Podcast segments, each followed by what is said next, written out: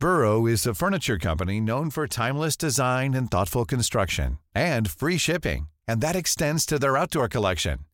Their outdoor furniture is built to withstand the elements, featuring rust-proof stainless steel hardware, weather-ready teak, and quick-dry foam cushions. For Memorial Day, get 15% off your Burrow purchase at burrow.com slash ACAST and up to 25% off outdoor. That's up to 25% off outdoor furniture at burrow.com slash ACAST.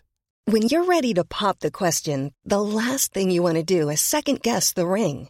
At Bluenile.com, you can design a one of a kind ring with the ease and convenience of shopping online. Choose your diamond and setting. When you find the one, you'll get it delivered right to your door. Go to Bluenile.com and use promo code LISTEN to get $50 off your purchase of $500 or more. That's code LISTEN at Bluenile.com for $50 off your purchase. Bluenile.com code LISTEN. Wow. Nice. Yeah. What you're hearing are the sounds of people everywhere putting on Bombas socks, underwear, and t-shirts made from absurdly soft materials that feel like plush clouds. Yeah, that plush. And the best part? For every item you purchase, Bombas donates another to someone facing homelessness. Bombas. Big comfort for everyone. Go to bombas.com slash ACAST and use code ACAST for 20% off your first purchase. That's bombas.com slash ACAST. Code ACAST. Då säger vi god morgon, god morgon i Arla morgonstund. En söndag klockan sju. Det lät som en eh, predikan, var på väg att inledas. Julottan. Julottan. Är det söndag så är det. Vi sitter här, de galningar vi är, redo att spela in veckans avsnitt till er kära lyssnare. Och det är ju som vanligt Nyans du lyssnar på med mig Paula. Mig Kajan. Mig Hanna. Då har vi inspelningen igång. Så eh, ja, åklagaren kan väl börja ställa frågor. Ja, tack. Det här är Nyans, feministisk true crime med Kajan, Hanna och Paula. Det är ju liksom någon slags ständig förkylning som pågår. Ja men, den, det är, ja men det är verkligen det. Jag pratade med Johan om det igår. Det är liksom som en lågputtrande från typ oktober till april. Så har man ju lite ont i halsen. Ja. Hela tiden. Och det är Det lite så jävla här, snorandet. Ja. Snor är ju liksom som en så här typ kroppsvätska som man... In... Åh gud, nu börjar jag igen. Jag, jag märker hur jag pratar utan att det här liksom filtret som man har som, som tänker igenom det man säger innan, det är inte på än. Nej, det är inte aktiverats. Så- Men det är Nej, lugnt. så jag, jag hör det liksom in real time samtidigt som er. Jag har ingen aning om vad som kommer ut. Jag skulle säga att det, eh, snoret är en sån här kroppsvätska som är så irriterande för man har liksom ingen kontroll över det. Nej. Alltså kiss är ju irriterande också bara för att det är så drygt att gå och kissa, men kan, man kan ju ändå knipa liksom Ja. ett tag. Nej men jag, Snoret bara äcklar jag, sig. jag har den här otroligt äckliga grejen att jag känner att det rinner liksom bakom på något sätt. Ni vet när man... Alltså det, Bakom vad då? va? Bakom vad då? Nej men bakom näsan. Jag vill snyta jaha, jaha, men det kommer inte ut någonting. Men jag känner ju att det sitter där. Ja, Och så kan jag liksom inte få ut det ur munnen heller. Så det är sådär, det är bara ett äckligt lock av något slag. just det, vi pratade ju om våra eh, andnings, andningsgångar i näsan. Ja. Det var inte så länge sedan. Nej. Och vad, vad var det du sa Paula om Hannas? Hon bara arbetarklass av någonting. Ja, just det. Arbetarklassens namn. Ja. Vi, vi, vi går ju på eh, och badar, det sa jag ju också med de här jävla dyra eh, årskorten. Och det är verkligen så här, jag kan inte, jo det är klart jag kan, jag kan dyka ner under vattnet utan att hålla för näsan. Men då måste jag ju liksom dyka så att jag träffar vattenytan med gässan I know. först. I know, jag är likadan. Nej men annars är det bara så här, det är en rak portal upp. Det går liksom Men inte. alltså, jag känner för mig är det mer att jag liksom glömmer bort att det ska andas in eller ska andas ut. Eller du vet, det blir så här. jag vet, försöker helt enkelt att jag- andas under vattnet. Nej men att jag liksom, det var så länge, jag dyker så sällan, jag badar ju typ aldrig. Jag dyker så sällan att man blir helt såhär, vänta hur var det man gjorde det här nu? Mm. Ja, men det tar ju alltid ett tag innan man liksom kommer igång i det. Men jag, jag tycker att hur jag än försöker, alltså jag, klart jag kan hålla andan, men det kommer alltid in så pass mycket som bara liksom eh, är som en liten pool i näsgångarna. Och sen får man ju försöka blåsa ut det sista man gör innan man Mm. eh, går upp ovanför ytan. Men det hjälper inte. Men du behöver ha såna här, alltså tamponger. Nej, men jag köpte ju en sån här liten näsklämma, Ja. ni vet som så här duktiga simmare har. Nej, inte, nej, inte de allra duktigaste kanske, de kanske kan hålla tätt. Det kan inte jag. Men alltså, skulle jag ta på den grejen att jag har för stor näsa. Eller så jag vet inte. En Först tog, det tog typ 5-10 minuter att förstå åt vilket håll den skulle sitta. Ja. Och då fick jag involvera hela familjen i poolen. Så här, hur, jag förstår inte hur den ska, och så fick vi prova fram och tillbaka. Och sen fick jag på den liksom åt rätt håll, men då är det som att man känner att den glider upp och håller på att liksom poppa av när som helst. Så den sitter på toppen. Ja men typ. Och så fick jag ju trycka ner den jättelångt. Har också på simglasögon som jag har köpt för att jag, jag har ju linser, kan inte kolla under vattnet. Ehm, och då fick jag liksom kila in den här näsklämman under simglasögonen. Du måste Och så fota. Betty och jag brukar vara de som hänger och så brukar Alfred och Jackie hänga på badet för Betty vill hoppa hopptorn och Ja. sånt där. Eh, och hon blev typ arg på mig för att jag, för att jag såg så dum. Eller, men hon blev liksom provocerad. Hon bara, ser skitkonstigt ut mamma. Så Jättekonstigt. Jag bara, men det är jätteskönt att jag kan dyka ner och slippa hålla för näsan. Och så blev hon skit, så till slut fick jag ju ta av den där efter tio minuters testande. Jag kan verkligen känna igen den där känslan som Betty har. När man blir liksom... Ni är lika på många sätt Hanna, ni är det faktiskt. Ja, man blir provocerad av att du ser Ja. någon annan se konstig ut. Så liksom, inte ens avsmak utan bara ren och skär irritation. Typ lite förakt. Du måste ut. fota. Du måste fota nästa gång. Mig själv eller henne? Nej men är själv, jag vill se. Jag vill Mm. se näsklämma inklämd under glasögon. Ja. Det är hon också. Hon håller på att påpeka hela tiden. Så har jag de här simglasögonen. Jätteskönt. Det är superhärligt att vara liksom i en djup pool. Vi kan dyka ner tillsammans och titta på varandra under vattnet. Och så här. Jättehärligt. och då är hon också så här. Så kommer jag upp. Hon bara. Eh, ditt huvud bullar till. Vad säger hon? Hon bara, "Det- ditt huvud bullar ut ovanför simglasögonen.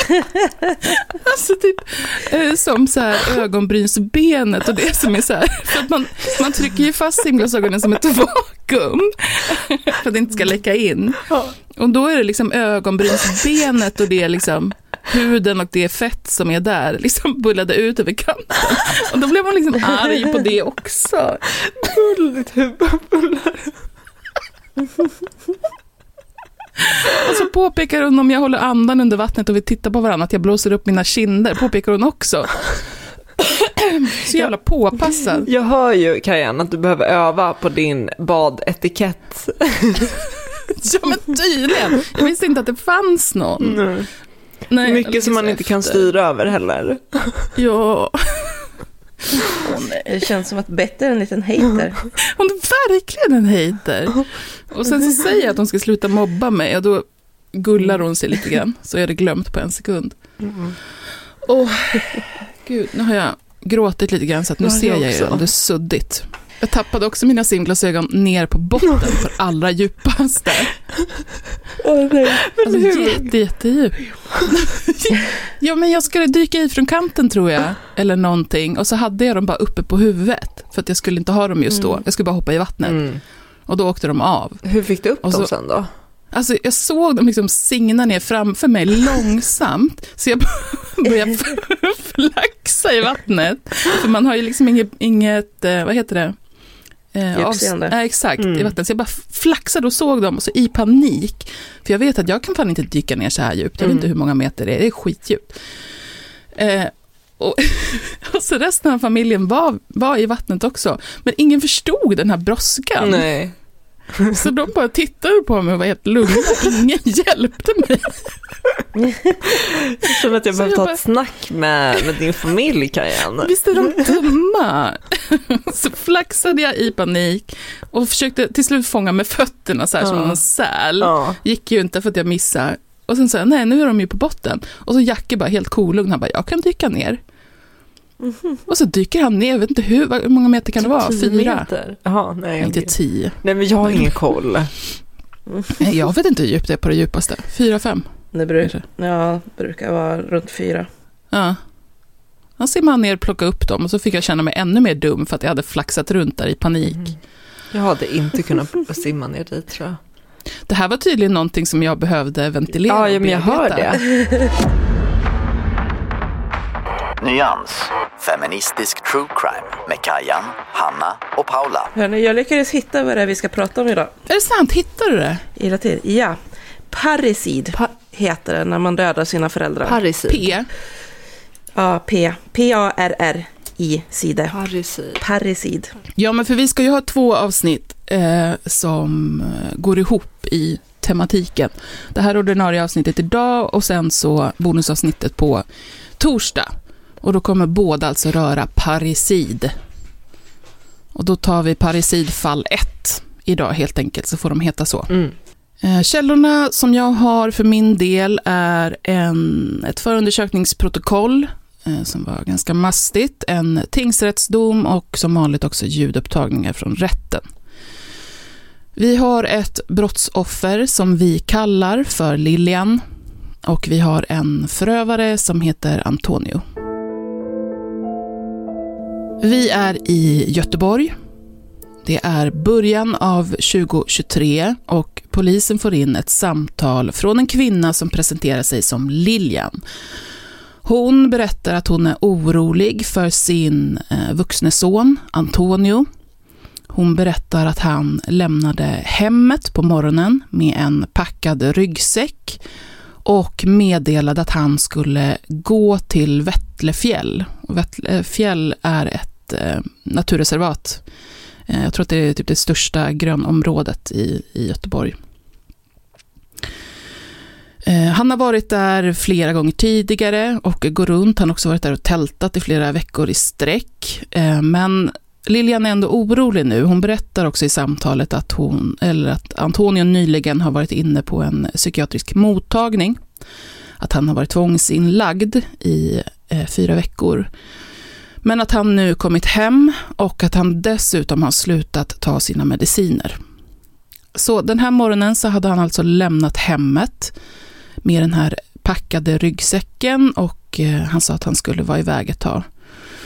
Men så har Lilian fått ett samtal eh, från en för henne eh, fullkomligt främmande man som ringer upp henne och har hittat Antonios ryggsäck med mobil och allt slängt på en cykelväg. Och Lilian blir förstås väldigt orolig. Hon berättar för operatören att Antonio har haft lite psykosliknande inslag. Och precis innan han blev inlagd eh, så var han också i Vättlefjäll och eh, menar, försvann i princip. Man fick inte tag på honom och han var borta länge. Eh, så att någon körde hem honom, hittade honom och körde hem honom till Lilian och hon fick köra in honom till akuten då. Och det är då som han blev inlagd i en månad. Och nu har han alltså begett sig dit igen och dessutom slängt sin ryggsäck på vägen dit.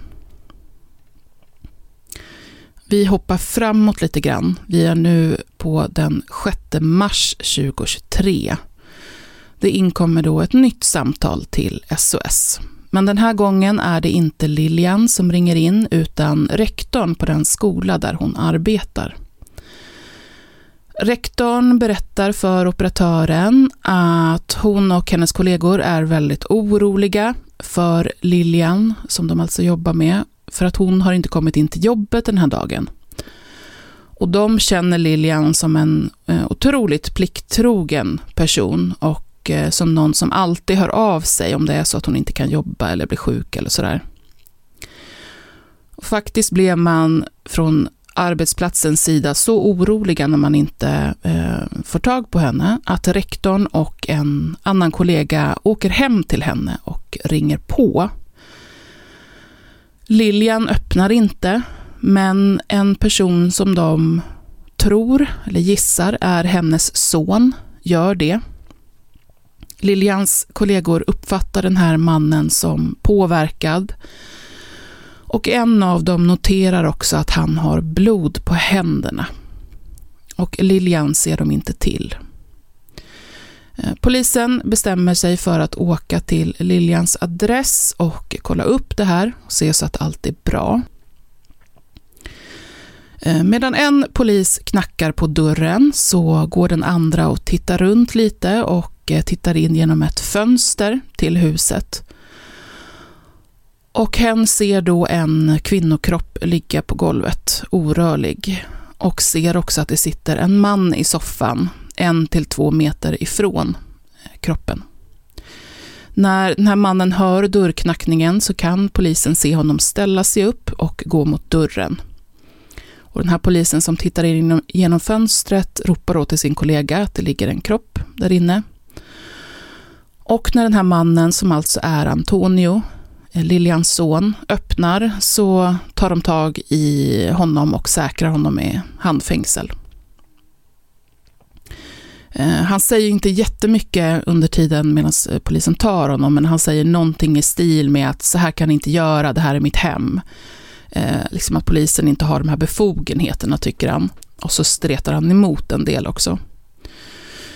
Men man lyckas säkra Antonio och när han är säkrad så väntar en av poliserna ute med honom då och den andra går in i bostaden för att säkra av den. Och på vardagsrumsgolvet jämte soffan så ligger Lilian avliden. Det syns blod vid munnen och eh, runt kroppen. Och man bedömer också att hon redan har varit död ett tag. Eh, så man kan ganska direkt ehm, konstatera att, eh, att livräddningsinsatser inte kommer göra någon nytta. När man undersöker Lilians kropp då så kan man först konstatera att hon har eh, trosor, nattlinne och morgonrock på sig. På kläderna så hittar man egentligen bara en skada och det är ett avlångt hål på vänster sida av bröstet. Och runt det här hålet eh, så är det mättat med blod. Skadorna på Lilian består framför allt i att hon eh, dels har flera knäckta revben.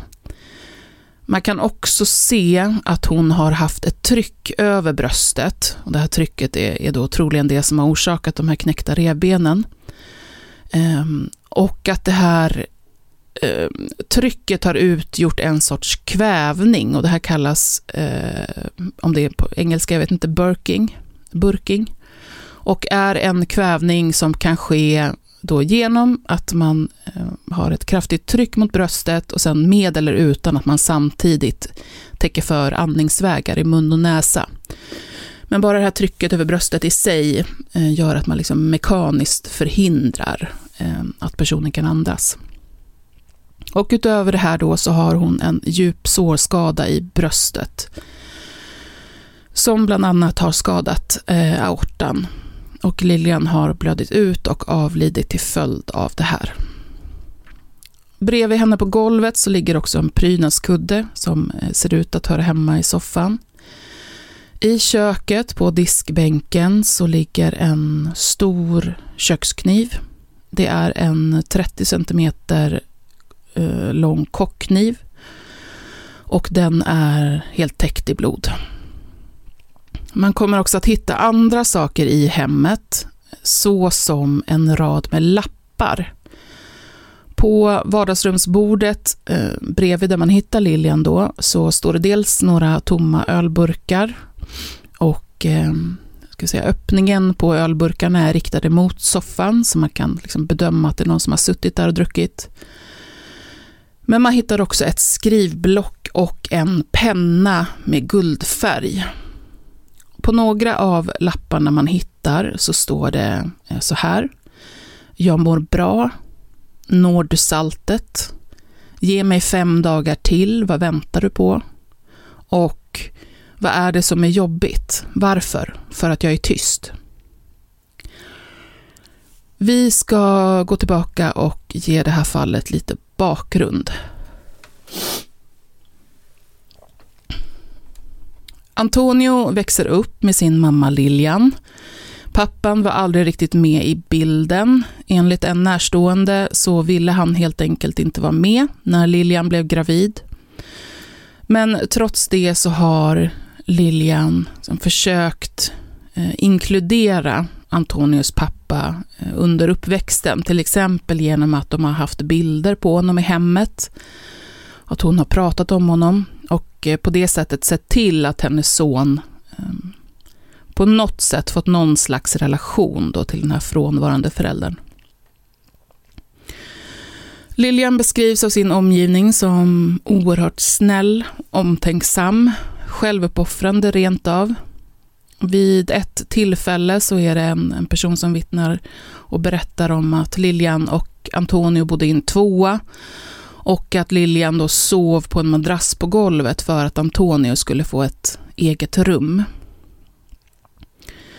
Eh, och en person berättar också hur det var Lilians prio ett att se till att det aldrig saknades Antonio något, oavsett liksom omständigheter runt. När han sen blev vuxen så ordnade hon med en lägenhet åt honom som han också bodde i. Men så kom eh, resan till USA.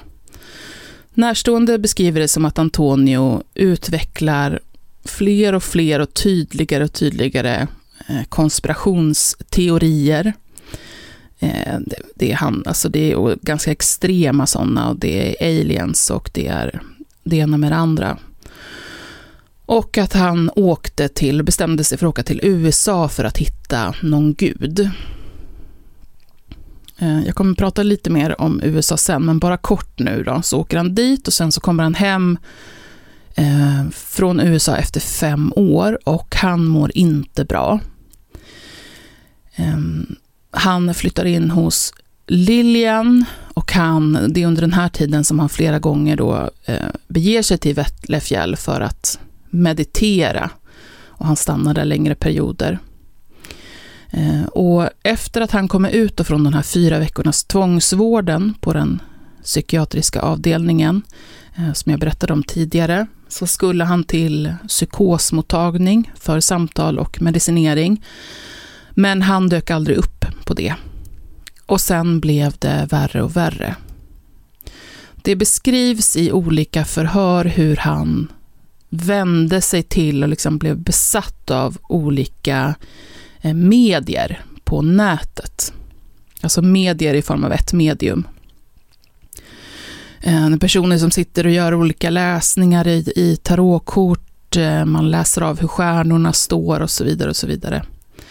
Han hade också ett altare hemma som han satt och bad vid och mediterade en hel del. Sådär.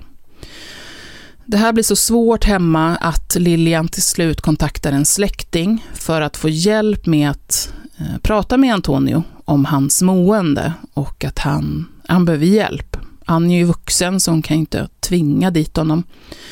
Ehm, så att hon försöker övertyga honom på olika sätt att han inte mår bra, att han behöver hjälp av vården.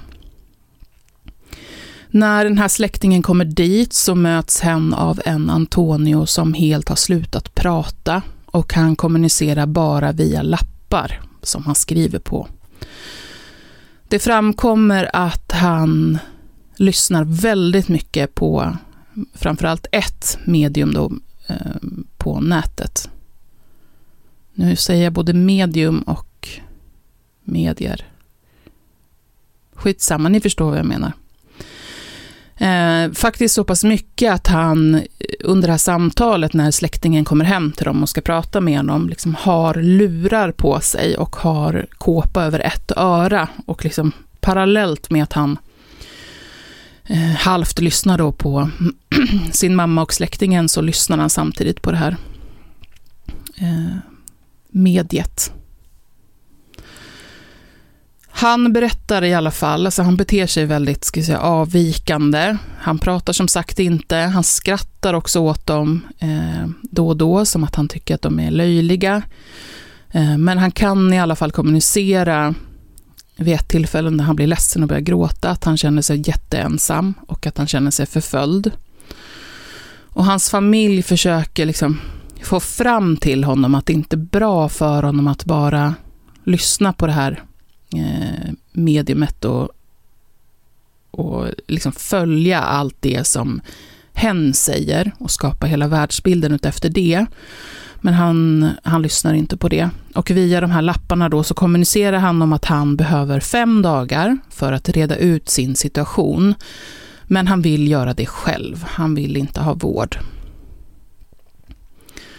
Flera personer vittnar om att Lilian blev mer och mer rädd för Antonio. I takt med att han beter sig mer och mer avvikande så börjar hon känna obehag inför att vara hemma. Hon känner inte igen honom, vare sig i blicken eller i hans beteende. Hon får inte kontakt. Flera personer säger också att Antonio var arg på sin mamma. Det handlade till exempel om att han inte gillade att bli tillsagd eller liksom känna sig styrd. Eh, och han upplevde att, att hans mamma sa till, honom, sa till honom om saker. Till exempel då, så när han satt vid det här altaret och bad så tände han en massa ljus och rökelser som han sen inte släckte. Och Lilian, som hade katter hemma, sa att han, han fick inte hålla på så. Det var farligt att både huset och eh, katterna kunde liksom, eh, brinna ner. Och det här gjorde honom irriterad och arg. Det finns också eh, ganska gripande i fuppen vittnesmål från eh, personer som liksom har gått i skola med Antonio och känt honom och varit jättenära med honom under uppväxten. Och de är gripande utifrån att de allihopa egentligen beskriver honom som en så otroligt snäll och mjuk och omtänksam och liksom glad person. Ehm, att han också hade en otroligt liksom, nästan unikt nära och fin relation till sin mamma. De gick på olika kurser tillsammans och sådär. Till då den här förändringen när han börjar prata väldigt konspiratoriskt om världen och hur de då avståndet mellan dem ökade och de till slut tappade kontakten. När polisen tar in Antonio till arresten så uppfattar man honom som ganska slö och apatisk men eh, att han ändå är ganska så medveten. Dock så märker man att han är eh, oberäknelig. Det luktar alkohol om hans andedräkt. Och när man tar in honom så är han först liksom eh, helt still och apatisk och sen börjar han röra kroppen. Alltså han börjar liksom gunga och gungar mer och mer med kroppen tills han plötsligt blir helt lealös och benen viker sig under honom. När han kommer till personintaget så finns det en i personalen som samtalar med honom för att höra hur han mår. Och han berättar då vissa saker självmant, om än väldigt kortfattat. Han säger själv att han har dräpt sin mamma. Han säger att han har mått dåligt väldigt länge, samtidigt som han pekar mot sitt huvud. Han säger att han har brukat droger tidigare, men nu bara dricker alkohol. Han säger också att han har varit i USA i fem år och att han där varit med i en kontroversiell grupp eh, som han liksom sökte sig till, men att han aldrig passade in där. Han säger också att han blev inlagd på psykiatrisk avdelning för ett tag sedan och att han fick mediciner som han sedan har slutat ta.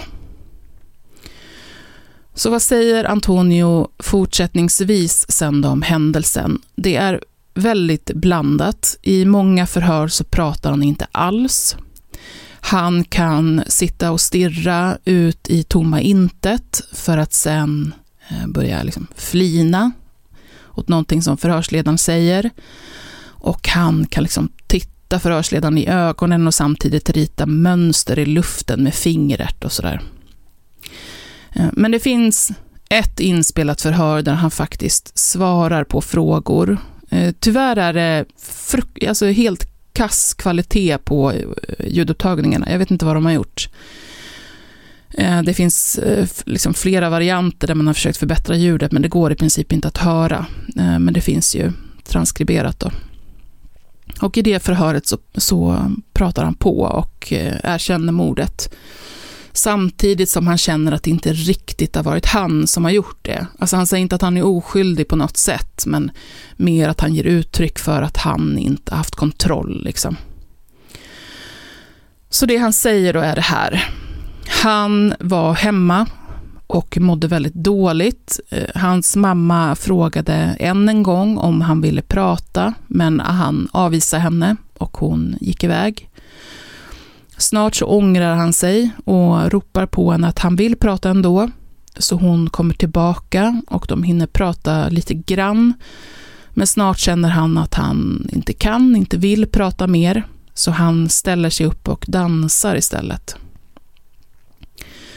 Lilian blir orolig eh, och rädd av det här. Hon kommer fram till honom och lägger en hand på hans axel och frågar honom vad det är som händer, att han inte är sig själv.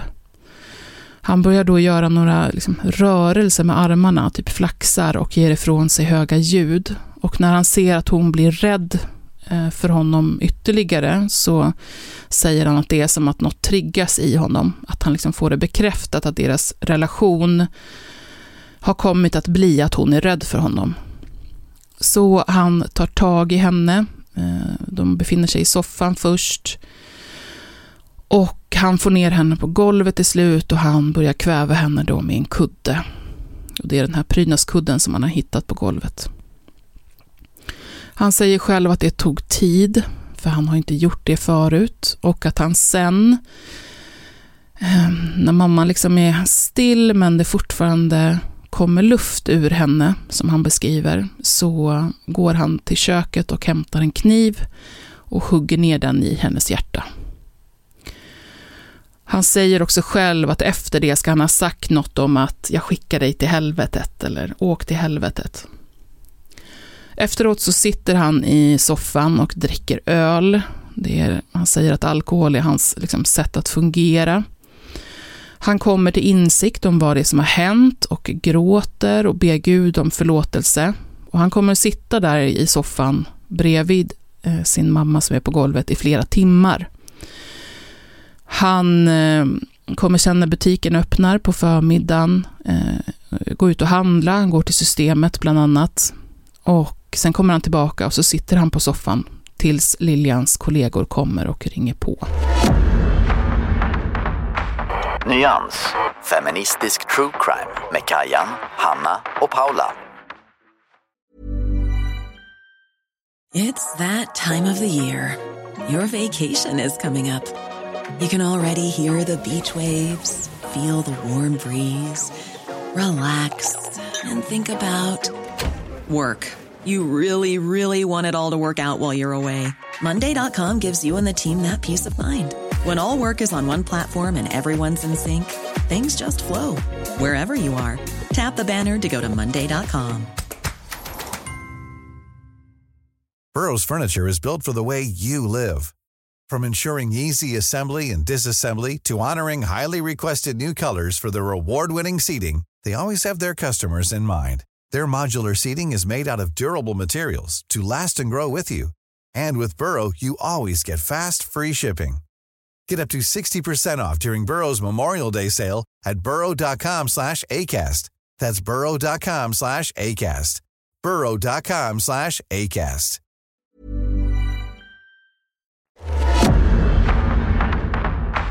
Nyans. Feministisk true crime med Kajan, Hanna och Paula. Det här är en väldigt, väldigt kort dom. Jätte, jättekort. Jag räknade till, om man tar bort liksom försättsblad och allting, så är det fem sidor som är själva innehållet i domen. Antonio åtalas för mord. Och som Kajan redan har varit inne på lite så är hans inställning är att han inte kan ge någon inställning. Han varken erkänner eller förnekar, men han verkar dock erkänna i förhöret i tingsrätten liksom själva omständigheterna kring det, att det var han som utförde handlingen. Men han menar som sagt att det inte är han själv. Eh, liksom, det är inte, han, det är inte hans, han själv som har gjort det. Och att han, jag tror att han menar att han inte har uppsåt med det. Men tingsrätten sammanfattar det så här. Det han säger då, att det är inte så att han är ett offer eller oskyldig, men det var inte han som dödade henne. Han har dock erkänt att det var han som gjorde det. När han förstod att hon var död så grät han och bad Gud om förlåtelse. Och tingsrätten menar att det här talar med styrka för att det var Antonio som dödade eh, sin mamma. Och egentligen, så tingsrätten kan jätteenkelt konstatera att Antonio är skyldig till mordet eftersom att han, det han själv berättar har hänt stämmer helt överens med den bevisning som åklagaren lägger fram eh, i form av det vanliga obduktionsprotokoll, brottsplatsundersökning och så vidare. Sen blev han ju gripen i bostaden där hans mamma låg död med blod på händerna med en kniv och så vidare. Eh, så det finns liksom inte utrymme för att det är någon annan som skulle kunna göra det här eller något sånt där. Eh, och alltså jag blev lite förvånad, men tingsrätten säger ingenting om uppsåtet. Jag blir så här, jag bara, jag måste typ dubbelkolla igen om det är någonting som är så fel med filen eller någonting. Men jag kunde inte hitta att de säger, det ser ju helt rätt ut, men de säger ingenting om, om uppsåtet. Och jag får typ anta att det är för att de tycker att det är så uppenbart att han har uppsåt, att de behöver inte gå igenom det något närmare. Ja, de säger bara att det är visat att Antonio uppsåtligen dödade sin mamma. Eh, det, det, är så, liksom, det är så mycket de kommer in på diskussionen om det. Eh,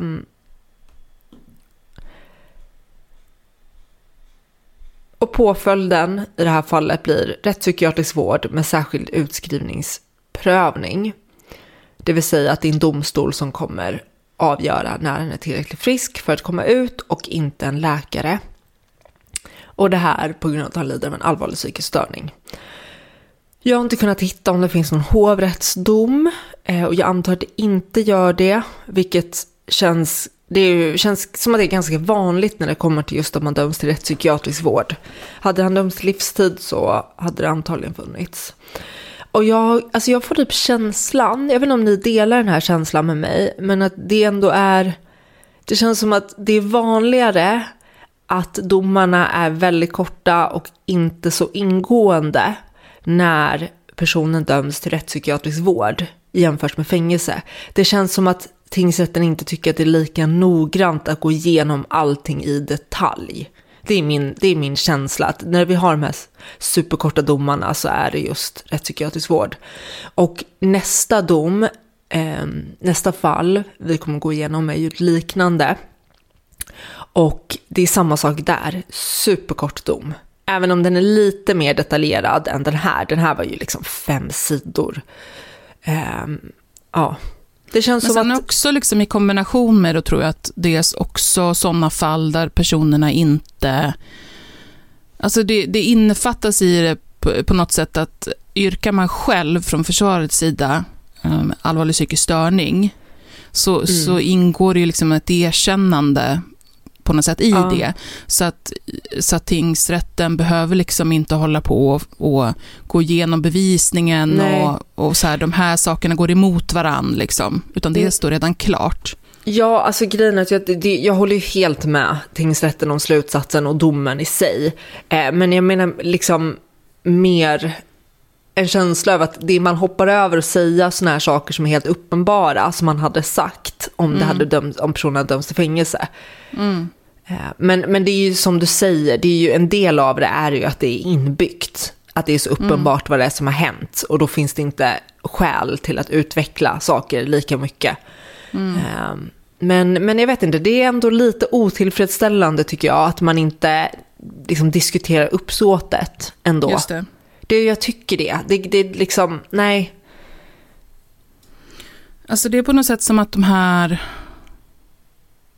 och, och, jag vill absolut inte säga att de här fallen är liksom mer tragiska än, än, några andra, men att det finns något inbyggt i det där att en, en person dödar sin typ närmsta släkting, sin närmsta relation, eh, mår väldigt dåligt över det och har gjort det då liksom, eh, på grund av att man har varit väldigt, väldigt sjuk. Att det finns mm. något, jag vet inte, så inbyggt extremt sorgligt mm.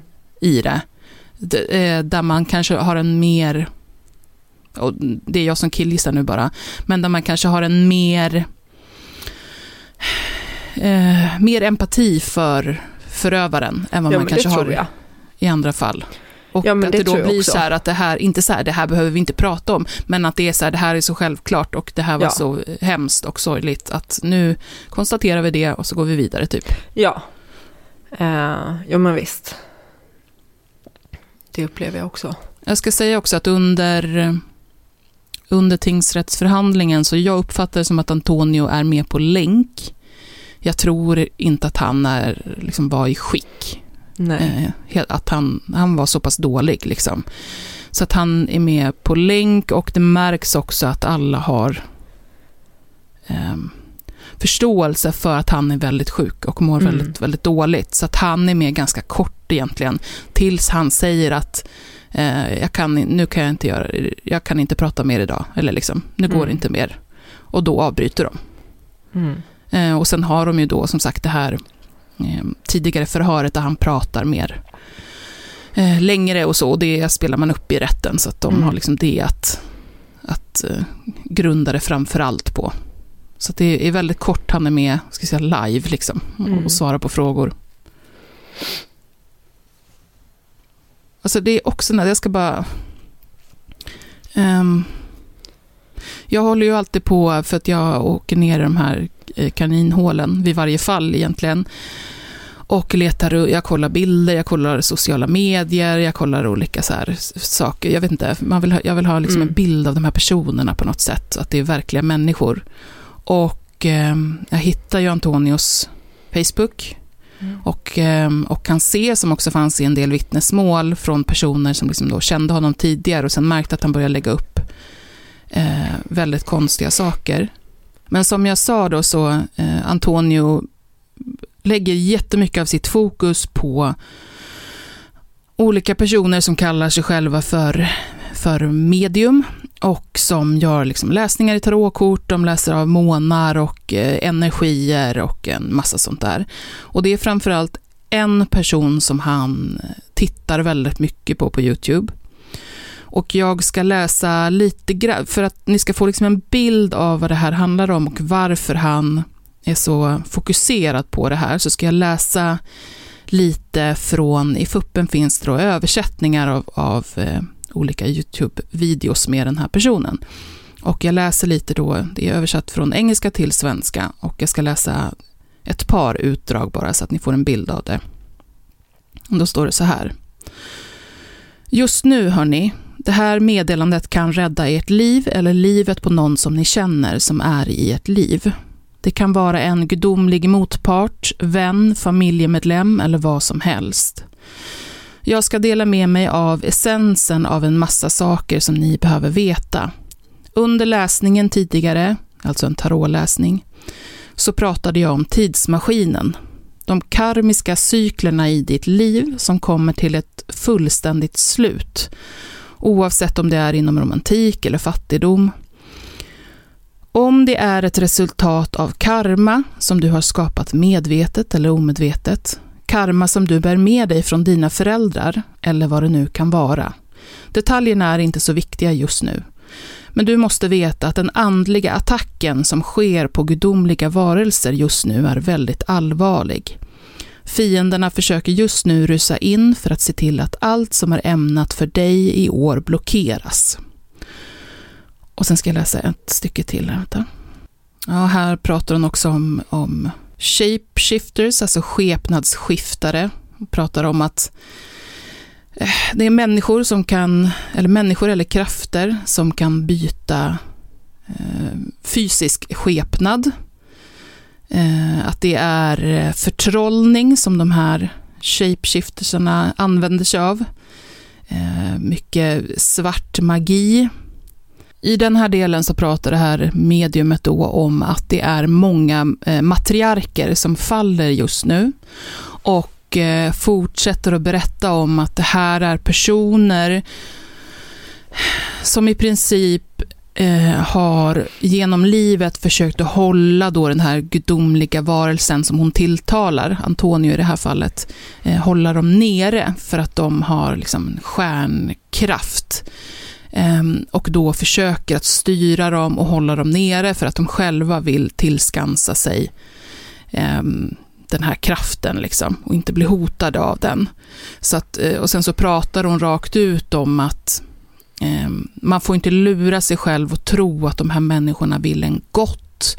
Eh, utan de, i grunden så, så, är det liksom en andlig attack och de vill en ont eh, på olika sätt. Och sen just att det är, eh, hon pratar som sagt mycket om eh, matriarkerna som, som skapar det här. Och försök att det är deras fel också, att man alltid har känt ett utanförskap. Och, eh, hon spelar mycket på det, att eh, har man känt sig ensam och inte förstådd och sådär, så är det de här personernas, mammorna då, deras fel. Oj, nu dök det upp värsta kvinnohatsgrejen här. Ass, ja, Titta det ut. är... Och det är just den biten som blir liksom så, så påtaglig Ja. i, och man förstår ju också att åklagaren liksom lyfter det om man tänker med, med uppsåtsbit och sådär. Mm. Eller om det skulle vara planerat eller så.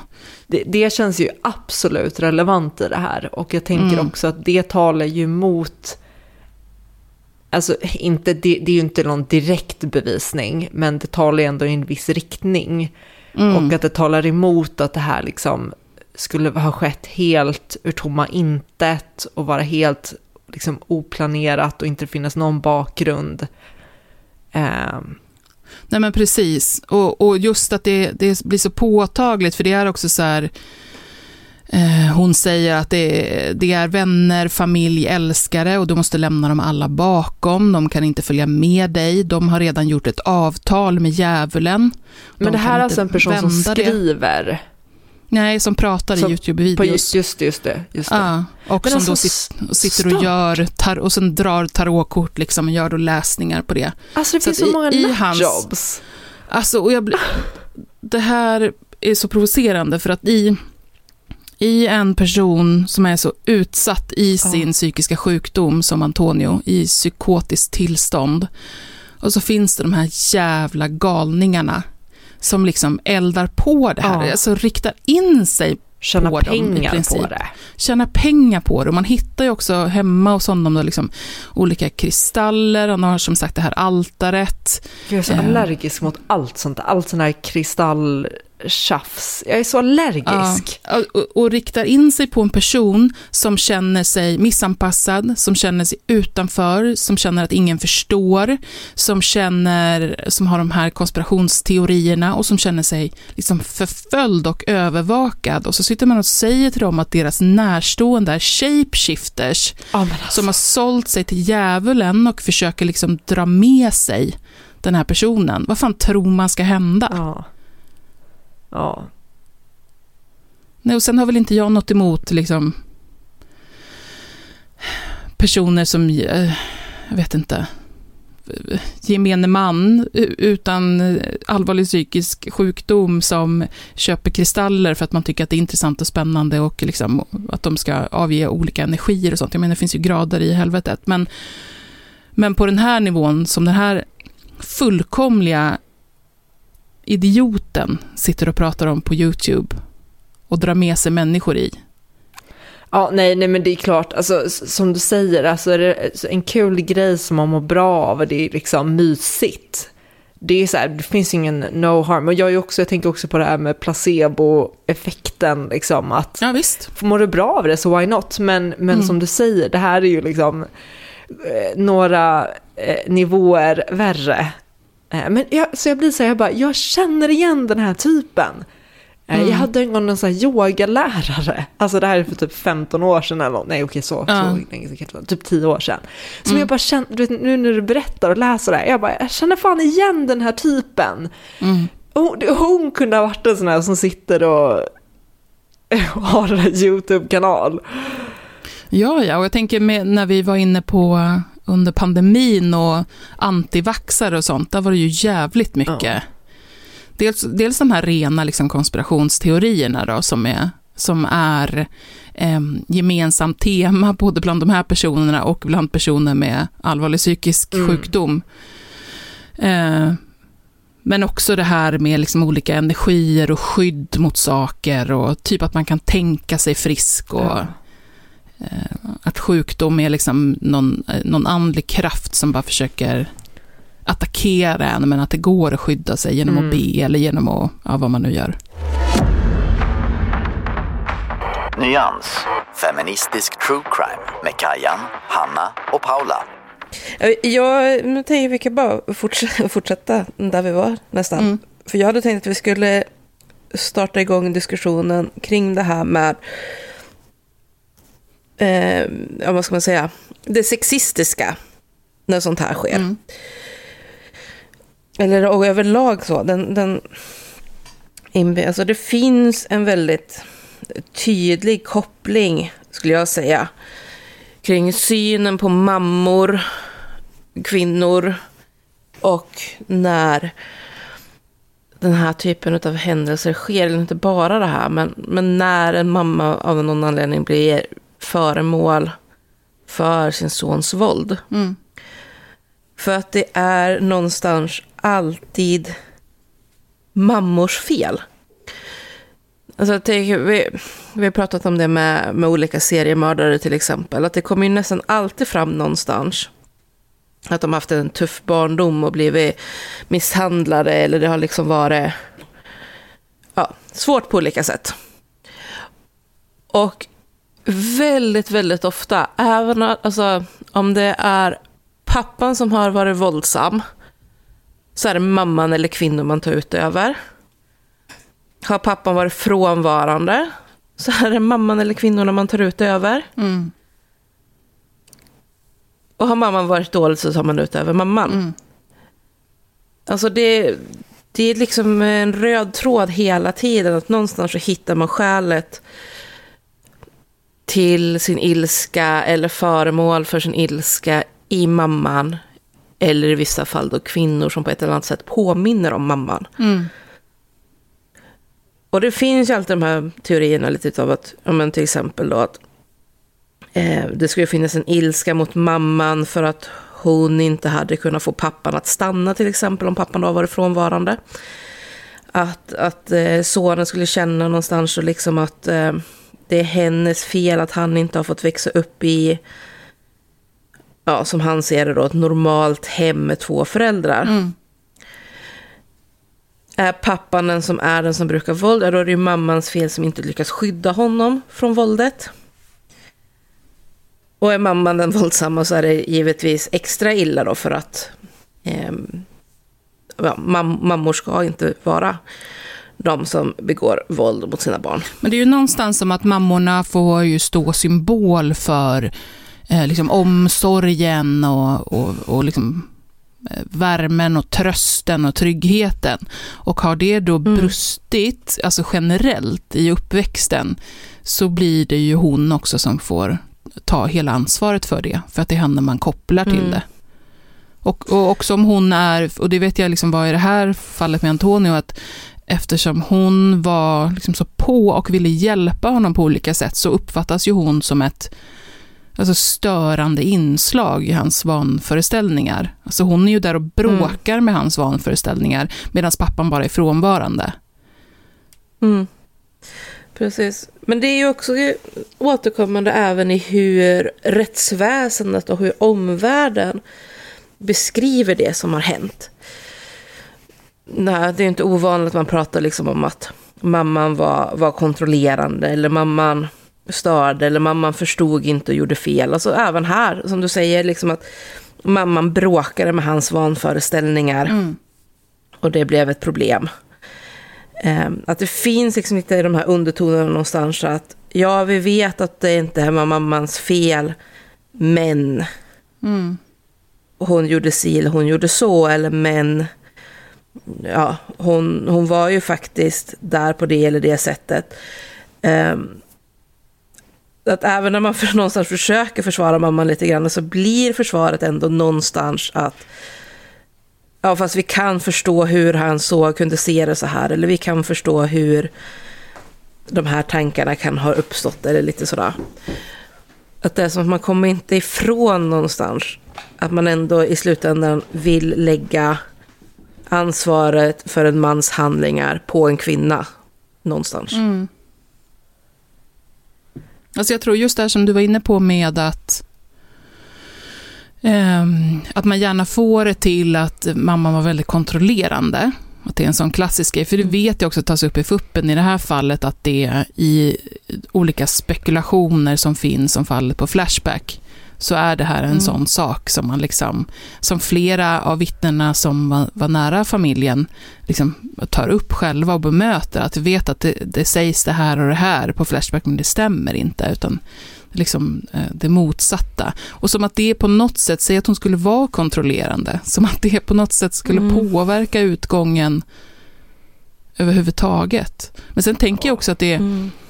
inte alltid, men det är väl oftare som mammorna så att säga inte ger upp hoppet utan håller sig kvar nära eh, ett, ett barn som, som mår så fruktansvärt dåligt och beter sig hemskt illa på en massa olika sätt, men som, Mm. som liksom finns, finns med där nära och av den anledningen Mm. också kommer vara den som står närmast när en vanföreställning, ett utbrott kommer. Mm. Ja, och grejen är att om de inte gör det och sen på något sätt drabbas ändå, då blir det också mammans fel. För att hon gav upp, hon, hon gav inte den omvårdnaden han behövde eller hon såg inte hur dåligt han mådde. Och så vidare. Så det, det är ju väldigt liksom så här, damned if you do, damned if you don't. För kvinnor när, när män mår dåligt. Och det är så sjukt jävla irriterande någonstans att vi ändå är inne i 2024 och vi kommer liksom inte framåt på just den punkten. Mm.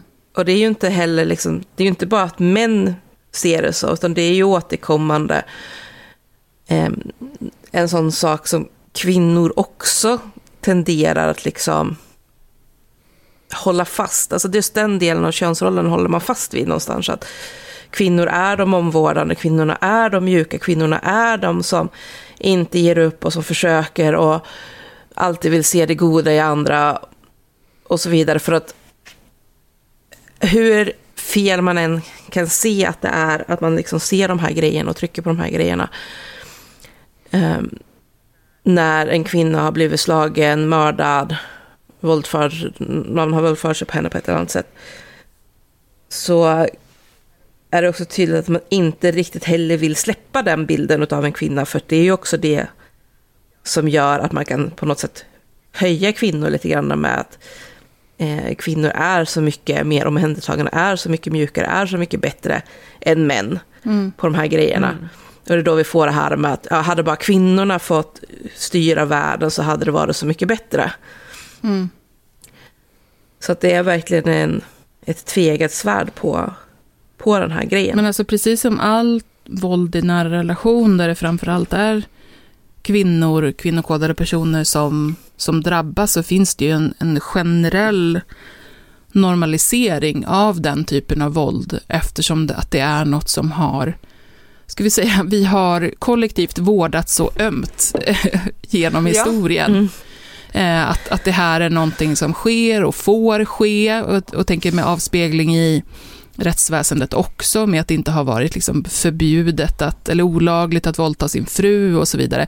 Att Mm. den biten har ju vi så ingrott i oss och har jobbat så hårt för att bevara, att det kommer ju, alltså även, det är klart att det kommer påverka en person, även eh, som är väldigt, väldigt sjuk. Att, att det ses Mm. som en, inte mindre allvarlig sak, men mi- mindre främmande då, om Ja, man ja. säger så. Mm. Absolut. Sen, vet jag, Ja, sen men är det ju, alltså... Det blir extra sorgligt i det här. Jag vet inte hur jag ska formulera det riktigt. Eh, alltså Antonio var, dels eh, är han ju liksom ganska ung. Jag för mig att han är född 90, 91, någonting sånt där. Eh, Jag minns inte. Eh, men, för mig som är född 84 så är han ganska ung. Också att, eh, och det var det jag skulle påbörja säga förut, att jag går ju ner 89. och man kan... Vad Förlåt. sa du? Han är född 89. 89, okej. Ehm, så, så när jag hittade hans eh, Facebook då, så det var det jag var inne på förut, men som aldrig slutförde, och eh, em, tittade runt på hans inlägg, väldigt konspiratoriska, väldigt konstiga, som han hade lagt upp, så, så tittade jag också på bilder. Mm. Och då finns det liksom Mm. en bild på honom, han är ute i naturen.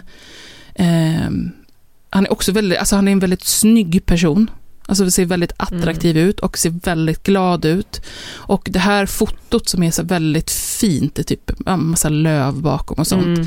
satt också uppförstorat hemma hos hans mamma, liksom som en tavla på väggen. Mm. Och som, där man också då får se den bilden, fast i fuppen. Eh, I den så kontexten.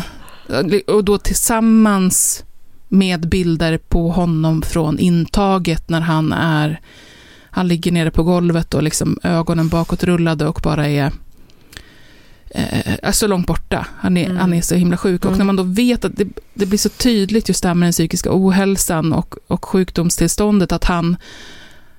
Det är verkligen som två helt olika personer. Och där den där personen Mm. som han var innan var så himla nära sin mamma. De var bästa vänner.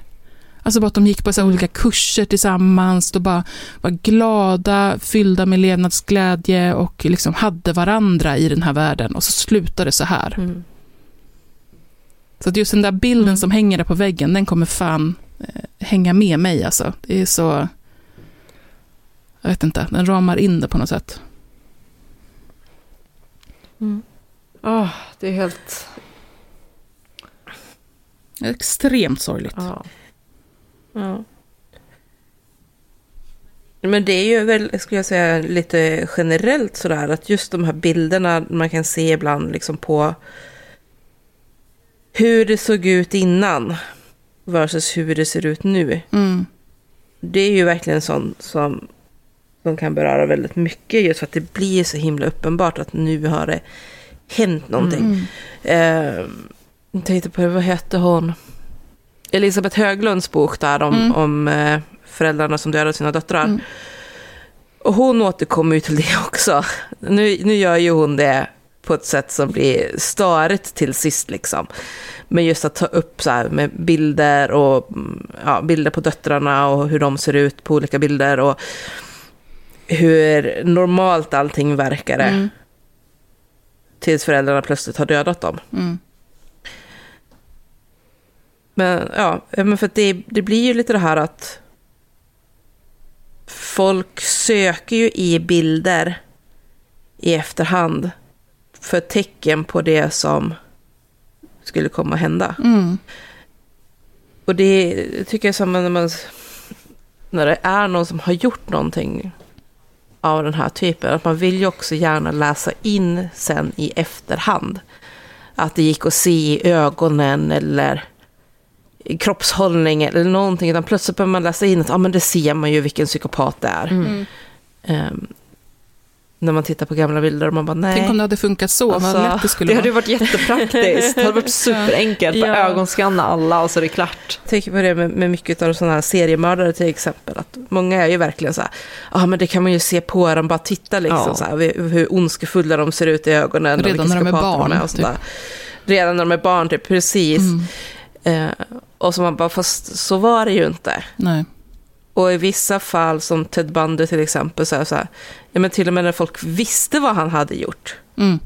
så såg man, så var det liksom folk chockade att hur kunde någon som var så stilig och charmig som han ha gjort någonting så här Mm. hemskt. Det, alltså jag har bara tänkt på det här just med att det känns som att det är en återkommande grej att man på något sätt tänker att nej, men en snygg person kan inte begå ett brott. Nej. Och att det är just det här att ja, men, seriemördare de ska vara fula och se ut på ett visst sätt. Eller inte seriemördare, mördare överlag. Liksom.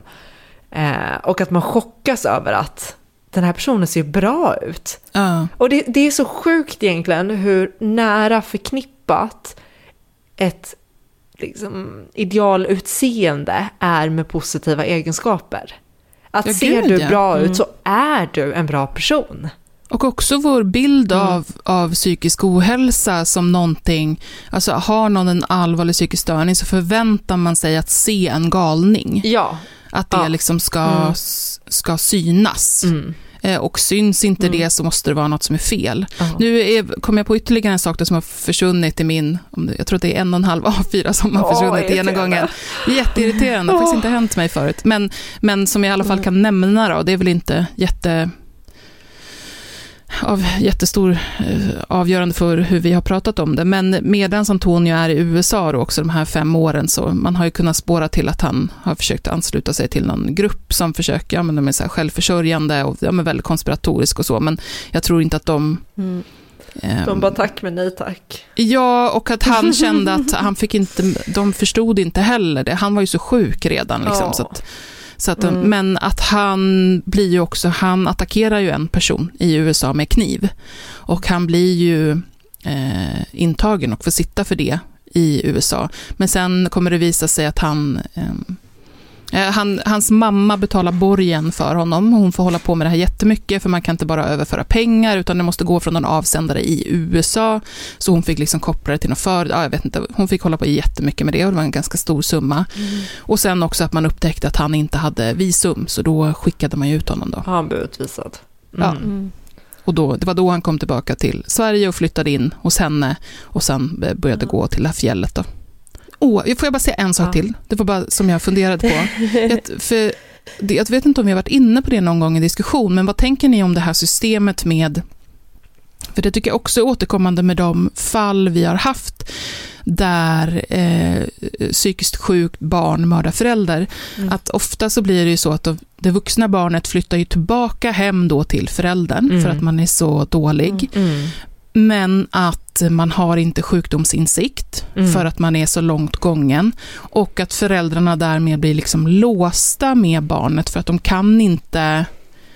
Barnet är ju, inte, är ju myndigt så man kan inte, Ja. alltså, det är ju, man kan inte skicka iväg barnet till... Nej, Alltså då måste det bli ett LPT och det är ju så otroligt högt krav. precis. Och det är där jag tänker, finns det något i systemet som är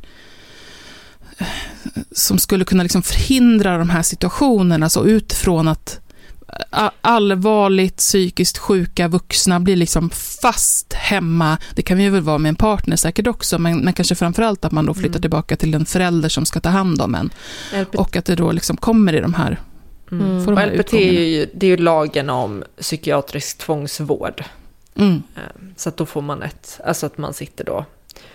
En, en domstol bestämmer att nu du ska, eller en läkare kan ju först utfärda ett intyg för kort tid och sen ska det bekräftas av en domstol. mm. Och det var det som hade hänt Mm. då i den här första, när han får sitta, eh, eller var på avdelning då i fyra veckor, att hon, Mm. då lyckas hon ju köra honom till akuten. Liksom. Mm. Mm. Men hon ska ju komma dit också. Ja, jag har spontant väldigt svårt att se vad det är man skulle kunna göra. Mm. Eh, liksom, f- för en, det jag tänker är väl just det här att jag tror generellt att vi behöver bli bättre på att hjälpa människor med psykisk sjukdom. Och Mm. att så här, man ska kunna ringa till någon som kommer hem till en och liksom försöker, någon, någon med medicinsk kunskap och försöker liksom hjälpa till och sånt där. Eh, och kunna or, göra orosanmälningar på vuxna personer. Eh, och att det ska ag- liksom ageras på. Eh, Jag har ju försökt, jag, jag tror att man kan göra orosanmälningar, men jag, jag vet jag har gjort det någon gång, försökt orosanmäla för till socialen liksom, för en vuxen person. Och Mm. det, det var, togs emot jättekonstigt. Det var så här, va, varför ringer den här personen myndig? Jag bara, men den här Mm. personen kommer ta livet av sig om inte ni gör någonting. Mm. Eh, men det var så här, bara, ja, det är inte vårt problem, typ. Eh, ja, men försök lite, och det är sån, sån, det tänker jag att det, samhället kan bli bättre på att hjälpa till liksom. Och att Ja. det ska ingå i uppdraget. Eh, Alltså, jag, för det blir, jag har ju också ringt, och det var för en person jag inte kände, men, men liksom fick... Eh, jag blev kontaktad på eh, sociala medier för då en person som var- liksom höll på att ta livet av sig. Ja, men det var samma, det var ingen jag kände heller. Nej, Eh, och som var liksom eh, jättesjuk och där där jag hade kontakt med polisen då, för då kan ju de liksom, Mm. en, för det var ju på offentlig plats, och då kan ju polisen liksom åka och ska säga, liksom, försöka förhindra Ja. självmordet. Men sen när det är avvärjt, då, då liksom kommer ju personen tillbaka. Men det var exakt samma situation som, som jag, eller när jag ringde. För då ringde jag, jag Mm. ringde för flera tillfällen, alltså SOS, Mm. som åkte och då förhindrade det här. Eh, Mm. Men det bara hände igen och igen. Ja, Och då var då jag ringde till SOS eh, och var så här, jag bara, jag vet inte, alltså, va, va, någon, någon måste ge, för den här personen var myndig, eh, Mm. men så här, vem, vems ansvar är det? Vem, någon måste göra någonting liksom. Jag, Ja. Men det, var, det fanns ingen som hade ansvaret för att personen var myndig, så det, det föll liksom helt, det fanns Ja, inget skyddsnät där. Man förstår ju att det är högt ställda Ja. krav också Ja, på att man ska inte kunna liksom tvångsomhänderta vuxna personer hur som helst för att någon ringer och liksom säger att de är sjuka. Nej, Alltså det, absolut så, det funkar inte. ju inte. Nej, nej. Men, men det ju, blir ju ett uppenbart glapp. Men just, jag tror att det var, jag tror inte det är så mycket tvångsvården som behöver ändras. Jag tycker det är bra att det är extremt, alltså att det är svårt att tvångsvårda människor, det ska det vara. Mm. Eh, Men just det här att, just att det var ingen, det, att när jag, när jag då ringde om det här, då var det liksom, ja ah, fast varför ringer du till oss liksom? Den här är ingen information som vi behöver ha. Så det var liksom att ingen försökte, om ni vet, förstår ni vad jag menar? Eh, även om jag tror att så här, polisen kände till den här personen, jag tror de försökte. Men, men man hade velat ha så här, okej, jag vet inte, personen hamnar på någon slags... Ja, men en handlingsplan som Ja. finns att ta till. Så här, Ja. Okej, då går den här personen under det här och då har vi de här åtgärderna som vi Ja. sätter in. Så här, vi försöker med de här olika grejerna. Mm. Eh, Precis, då är gången så här, då brukar Ja. vi göra så här. Men det, när- finns, det nej. finns bara två alternativ. Och det kan man väl fundera på om det kanske borde finnas två, fler. Men det är ju så här, ändå är det frivilligt, du söker själv vård, du, du är mottaglig för vård, du har sjukdomsinsikt och vill ha vård. Mm. Eller, och det är liksom det ena. Eh, Och du, om du inte faller om den kategorin, då är det andra alternativet att du är så sjuk att du behöver tvångsvårdas. Och det finns liksom ingenting däremellan när det kommer till hjälp.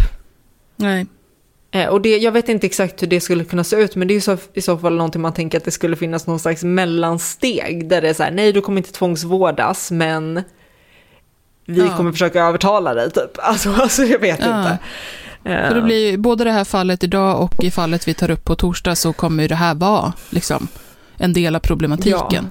ja. Att, att mammorna i det här fallet eh, vill liksom ha hjälp för deras eh, vuxna barn, men, men det Jag går kä- inte för de vill inte själva. Nej, och jag känner att jag är på väg in i det här bara unlocked en hel storm av grejer jag vill prata om just när det kommer till psykiatrin.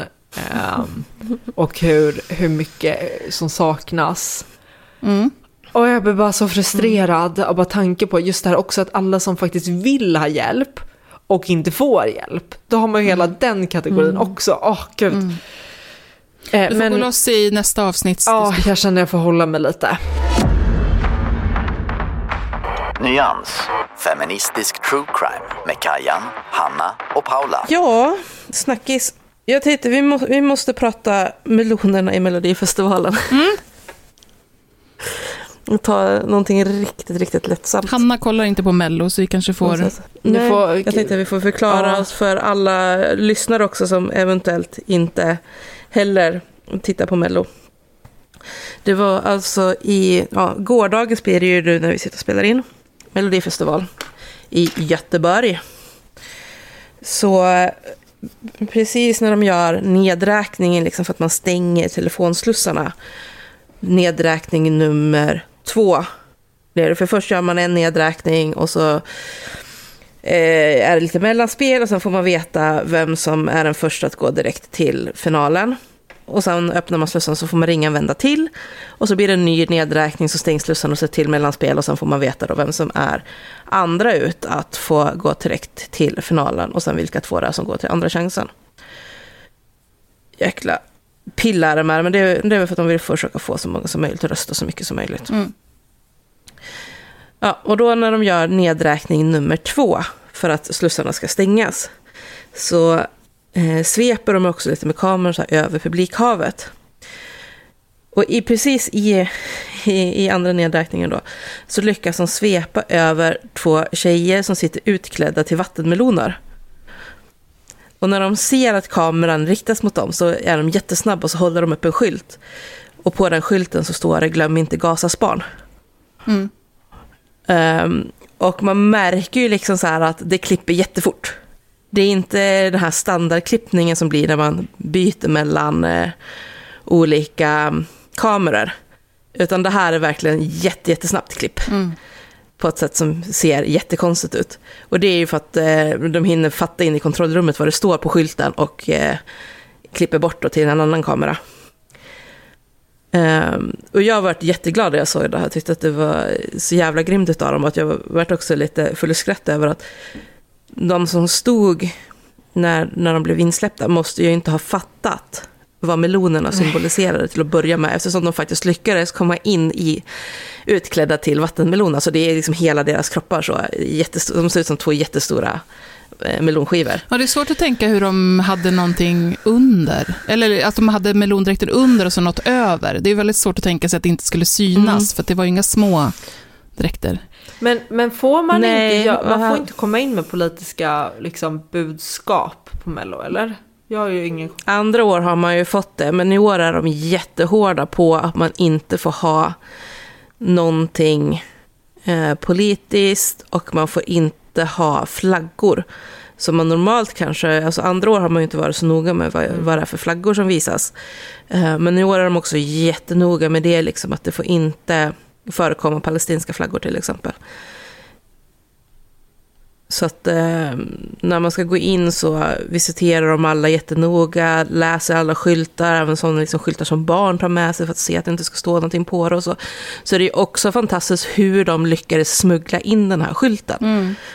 Utan att någon lyckades ta den. Liksom, Jag hade i- faktiskt ingen aning om att man inte fick ha så, alltså, sånt. Jag bara utgick från att det var fine. Det känns, det känns så konstigt att vara så här, nej du får inte, Ja, du men får inte de komma med det blev här ju budskapet. utslängda direkt efter det där också. Blev När- de? Ja. Ja. ja, så direkt efter när de hade klippt bort så, så kom det väktare. Det och tvingade dem att lämna. Och sen vart de körda tillbaka till eh, sitt kontor, för de jobbar för skiftet. Eh, Så de vart kö- körda tillbaka till kontoret av polis. För att säkerställa att de inte skulle komma tillbaka in typ. Så jävla ängsligt. Ja. Så jävla public service-ängsligt. Men jag fatt, alltså jag förstår inte, alltså jag, jag vet inte, jag har så svårt att förstå varför det är så... Eh, alltså varför man gör en sån big deal av det. Ja, det var ju liksom inte heller något så här var anklagande av Israel, Nej, av det- judar, ingenting Det var där. ju så utan oskyldigt. extremt oskyldigt. Ja. Och då kan Ja, man det känna var också jävligt att ängsligt måste jag säga. Ska, ska de liksom sitta på den höga hatten och vara så här, nej vi ska inte, det får inte vara något politiskt överhuvudtaget, då får man inte komma in, då blir man utslängd. Och så ska de själva krysta in så jävla cringeworthy eh, små, små tal som programledarna ska hålla, som man alla vet vad det handlar om. Alla vet Mm. att det handlar om... Alltså start... Eh, Ja. Grejen var ju riktigt, riktigt illa. Extremt Alltså jag satt och mådde så otroligt dåligt, så jag, det gjorde att man blev ännu lite gladare att det var just, just här då som, som de lyckades göra den här kuppen. Ja. Gud, jag är så Eh. glad att jag inte ser på Mello känner jag just nu. Jag behöver inte det här. Jag, behöver Jag tror inte att det är bra för ditt mående, Hanna. nej, Jag- nej, men jag känner att Nej. det här, jag är glad att jag inte har det där i mitt liv just nu. Nej. Jag har ett litet klipp på, på min Instagram. Det är, det är de två sekunderna typ som de hann att synas i tv med sin skylt. Ja, det var också så här, jag kan ju bara titta på Mello, eh, det, jag gör ju det med Betty för att hon vill se. Eh, och, och då Mm. blir ju hennes blick blir ju alltid så ett filter som gör det uthärdligt för mig, för hon har så roliga kommentarer och hon har sina egna analyser av, Ja. nu var det något kap, en orkester som var med som ett bidrag. Hon bara, ja, de här hade kanske kunnat klara sig 2009, men det är lite sent nu Alltså gud, för den här typen av musik. Ja. Så, och med varje låt har de sådana liksom, analyser. Men, och hon var ju direkt, hon bara, nu var det några som var utklädda till vattenmeloner och så stod det där på deras skylt. Så jag bara, ja, vad bra. Så här.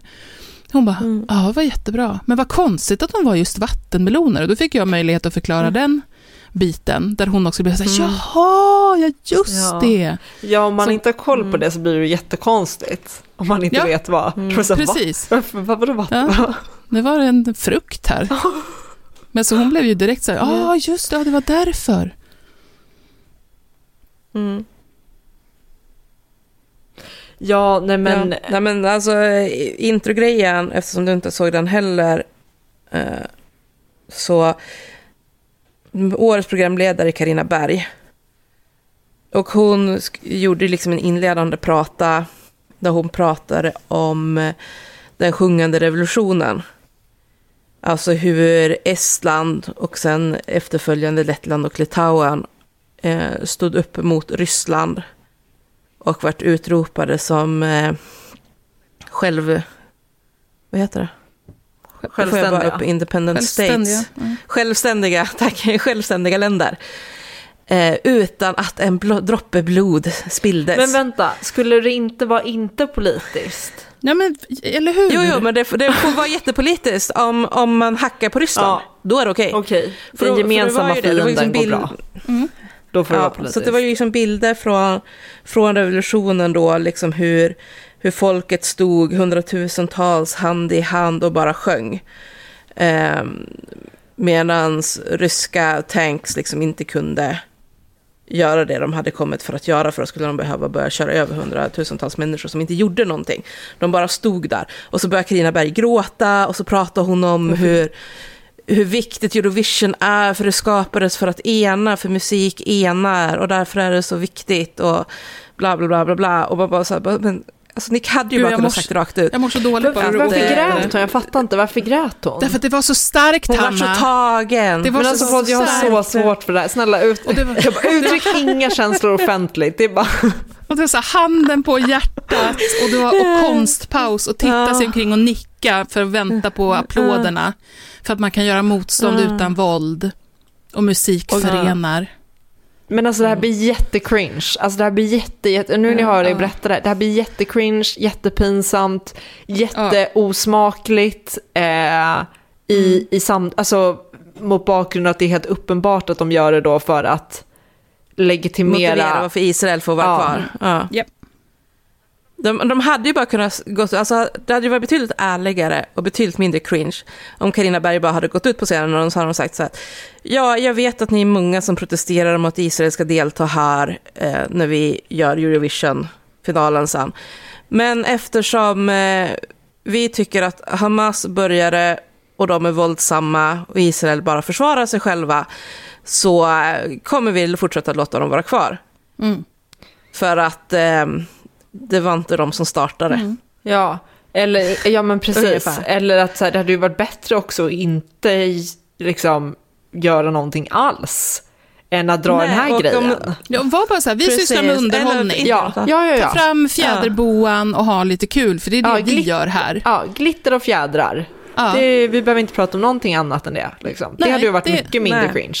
det är vad det är. Ja, det men kan att liksom- göra det här pilot, pilotiska, politiska statementet som det ändå blir, att gå upp och så tydligt liksom ändå prata om Ryssland som de onda och här kom de goda krafterna som stod och bara höll hand och sjöng liksom att man bara, nej men, nej men snälla, det, Det var så så- otroligt så provocerande, vilket gjorde mig extra glad att se melonerna sen. Ja, det är så, det är så privat och det är så, så liksom huvudet upp i sin egen röv.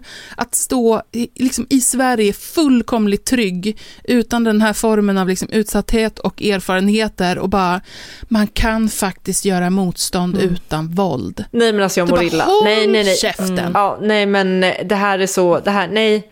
Nej men jag, jag tror att det som stör mig mest är att det blir så inkonsekvent. Det är så här, ni får hå- håll er linje, ändra så är det okej med politiskt eller så är det inte okej. Mm. Jag, jag gillar inte inkonsekvens, var konsekvent. Ja. Nej. Det är ju det som verkligen gör det riktigt, riktigt skavigt och, och eh, ännu mer provocerande då, att de har det här talet och sen slänger ut två vattenmeloner som påminner om Gaza. Det är liksom, Mm. man bara, men nu har ni precis stått och varit jättepilo, äh, jätte, varför kan jag inte säga politisk för just nu? Jag tänker säga inkontinens Pilotiska. av... Inkontinent. Ändra får man svara. Man måste vara inkontinent. Du kan inte... Men eftersom du hackade på mig sist Paula när jag råkade säga fel så har jag suttit och bitit mig i tungan nu. Ja, men jag upptäcker det ju åtminstone själv. Det är därför det var så kul, för att du inte märkte att det var fel och bara fortsatte prata. Nu är du som min familj som mobbar mig i vattnet känner jag. När jag flaxar efter mina simglasögon. Usch vad det är synd om mig. Det vill, Ja, jag, att, det vill jag att Jag det mig är kontentan av allt det här, att det är väldigt synd om mig. Ja, vi tar det som avslutande Ja, ord. ja. Att det kan vi enas kring. Eh, Vi får skriva till Carina Berg och be att de har det som en inledning på nästa vecka. Jag vill att hon håller tal Eh, om hur deltävling. synd det är om mig. Jag vill att hon håller sig för om hjärtat Kaja. och, invänt, och gör konstpaus för applåder. Nyans. Feministisk true crime med Kajan, Hanna och Paula. Ni vet vad som gäller. Eh, dela, stjärnor, skriv på Instagram, gör oss glada.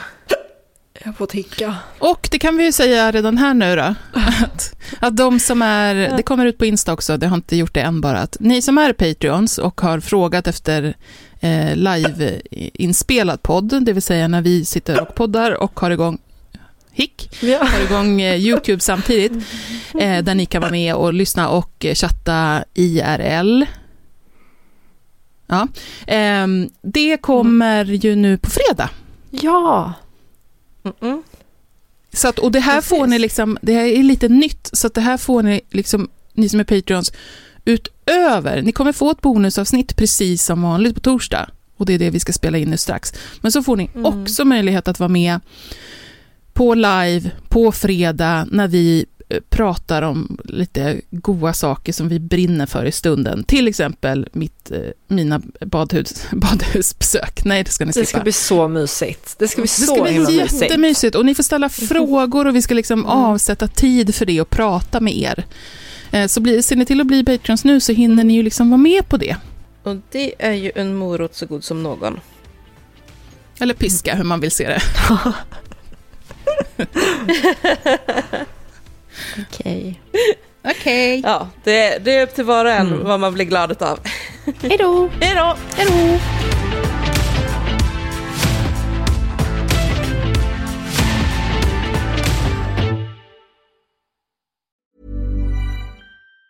Planning for your next trip? Elevate your travel style with Quince. Quince has all the jet setting essentials you'll want for your next getaway, like European linen, premium luggage options, buttery soft Italian leather bags, and so much more. And it's all priced at 50 to 80% less than similar brands. Plus, Quince only works with factories that use safe and ethical manufacturing practices. Pack your bags with high-quality essentials you'll be wearing for vacations to come with Quince. Go to quince.com slash trip for free shipping and 365-day returns. Hi, I'm Daniel, founder of Pretty Litter. Cats and cat owners deserve better than any old fashioned litter. That's why I teamed up with scientists and veterinarians to create Pretty Litter. Its innovative crystal formula has superior odor control and weighs up to 80% less than clay litter. Pretty Litter even monitors health by changing colors to help detect early signs of potential illness. It's the world's smartest kitty litter. Go to prettylitter.com and use code ACAST for 20% off your first order and a free cat toy. Terms and conditions apply. See site for details.